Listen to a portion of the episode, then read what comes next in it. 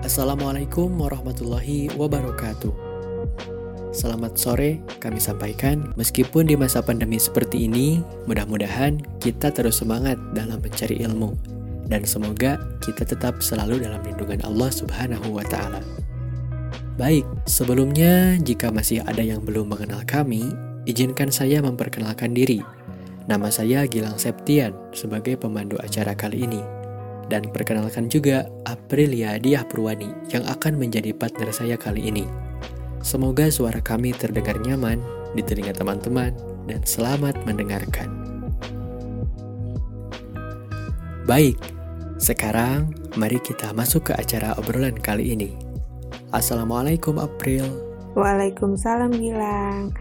Sebelumnya, silahkan April jika ingin memberikan atau ucapan salam hangat kepada teman-teman yang sudah lama tidak kita jumpai. Oke, hai teman-teman, salam rindu untuk kalian semua. Semoga selamanya berada dalam keadaan sehat walafiat. Oke, Pril, kali ini kita akan ngobrolin tentang ruang lingkup psikologi komunikasi. Jika kita telah A, judul pada topik kita hari ini, yaitu terdapat dua suku kata yang berbeda, antara psikologi dan juga komunikasi. Sebelumnya, menurut kamu, apa sih arti dari psikologi dan komunikasi secara sederhananya? Silahkan Priel. Oke, jadi secara sederhana, psikologi itu berarti ilmu yang mempelajari mengenai perilaku dan mental manusia. Sedangkan komunikasi sendiri adalah penyampaian dan pengolahan pesan yang terjadi pada satu orang atau lebih dengan tujuan tertentu. Oh, seperti itu. Jadi, kalau kita ambil titik tengahnya, maka psikologi komunikasi itu adalah sebuah proses memahami lawan bicara yang kita sebut komunikan dengan tidak meninggalkan aspek kejiwaan. Oke, selanjutnya nih. Dalam dunia ini pasti semua hal mempunyai tujuan dan juga fungsi. Nah, dari psikologi komunikasi itu, tujuan sama fungsinya apa sih, Pril? Silahkan boleh dijawab. Psikologi komunikasi ini mencakup apa yang ada dalam psikologi dan komunikasi itu sendiri. Jadi, tujuannya tidak jauh berbeda dengan tujuan kedua bidang tersebut. Tujuannya adalah merubah perilaku manusia dan juga membentuk dan mengembangkan kepribadian manusia. Lalu, apa fungsinya ya? Nah, fungsi utamanya ada tiga. Yang pertama adalah memapankan hubungan yang bermakna. Kita akan merasa senang saat melakukan kontak sosial, kita diterima di lingkungan tersebut yang menjadikannya tampak harmonis dan hidup rukun. Dalam bekerja sama pun, apabila kita mampu berkomunikasi dengan baik, tentu akan memperkecil kemungkinan miskomunikasi dan membantu mewujudkan apa yang menjadi tujuan dari terbentuknya hubungan kerjasama tersebut dan melahirkan sebuah keberhasilan. Kedua, memahami diri sendiri dan orang lain. Dengan adanya komunikasi, kita bisa mempelajari bagaimana diri kita, misalnya bisa percaya pada seseorang. Di saat itu juga, kita bisa memahami orang yang kita percaya.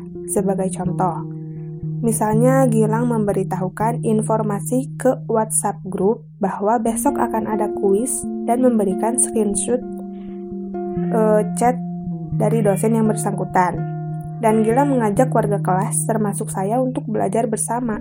Di situ, saya mengiyakan untuk belajar, yang artinya saya percaya karena perkataan Gilang dibuktikan dengan screenshot tersebut, dan dia dan Gilang membagikan link untuk belajar bersama secara virtual. Dan di situ saya bisa memahami bahwa Gilang orang yang peduli dan selalu mengingatkan agar teman-teman termasuk saya, bisa belajar untuk kuis besok. Yang ketiga, mengubah sikap dan perilaku. Seperti contoh pada nomor 2 tadi, saya jadi ikut belajar bersama Gilang untuk persiapan kuis. Wow, luar biasa sekali penjelasannya Pril. Jadi kita bisa mudah ingat kalau psikologi komunikasi itu bertujuan untuk memahami diri kita sendiri, juga orang lain, mengubah sikap dan perilaku juga memapankan hubungan yang bermakna. Ngomong-ngomong Pril, aku sempat baca tentang jurnal psikologi komunikasi. Di dalamnya itu ada teori untuk tolak ukur keefektivitasan komunikasi. Kalau nggak salah, yang menjabarkannya itu adalah Tub dan juga Moss. Coba dong jelasin dikit tentang tolak ukur keefektivitasan komunikasi menurut mereka, karena saya lupa lagi. Yap, seperti yang kita tahu, dalam komunikasi itu ada yang namanya komunikasi yang efektif. Di situlah penilaian apakah maksud yang kita sampaikan itu bisa diterima dengan jelas atau menyisakan tanda tanya. Nah, menurut Tubbs dan Moss, komunikasi itu dinilai efektif apabila Si komunikan menangkap isi yang disampaikan oleh komunikator, sederhananya pengertian.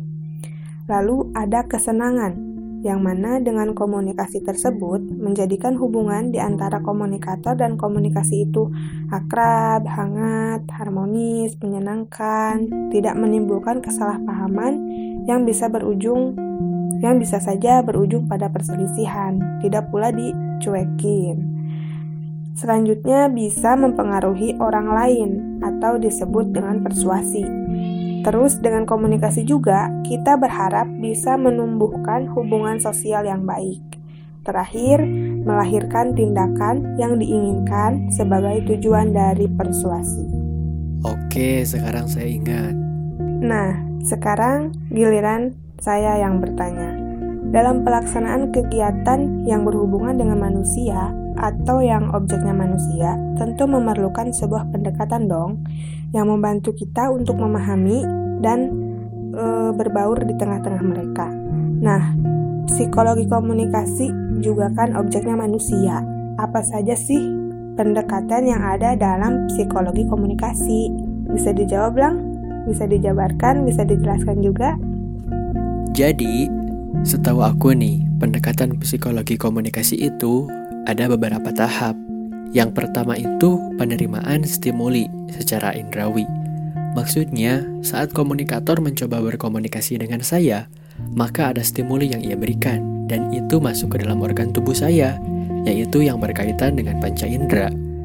Yang kedua adalah proses yang mengantar stimuli dan respon.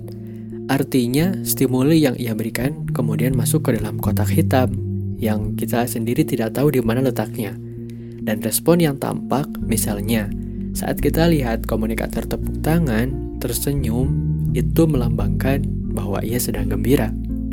Yang ketiga adalah prediksi respon, yaitu psikologi komunikasi juga bisa melihat bagaimana respon yang terjadi pada masa lalu dan bisa meramalkan respon yang akan datang.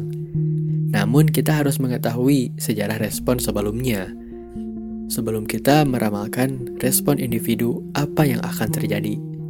Semisal, saat saya berkata suatu hal kepada si A yang membuat ia sedih, maka saya tidak boleh mengatakan hal itu di kemudian hari agar ia tidak merasa sedih kembali. Dan yang terakhir adalah penangguhan respons atau istilah kerennya kita sebut feedback atau umpan balik. Oh, jadi Pendekatan psikologi komunikasi ini memiliki beberapa tahap. Jelas ya, berarti psikologi komunikasi ini sangat penting. Tadi juga disebutkan kalau dengan psikologi komunikasi kita itu bisa meramalkan respon dari lawan bicara kita. Yang berarti memungkinkan kita saat berbicara itu tidak menyinggung orang lain, tidak membuat si lawan bicara kita itu merasa tidak nyaman dengan apa yang kita ucapkan. Nah, iya Pril, bener banget seperti itu. Gak terasa Pril, kita udah beberapa menit menemani waktu teman-teman. Mungkin obrolan kita sampai di sini dulu. Sampai jumpa lagi di obrolan kita selanjutnya. Assalamualaikum warahmatullahi wabarakatuh.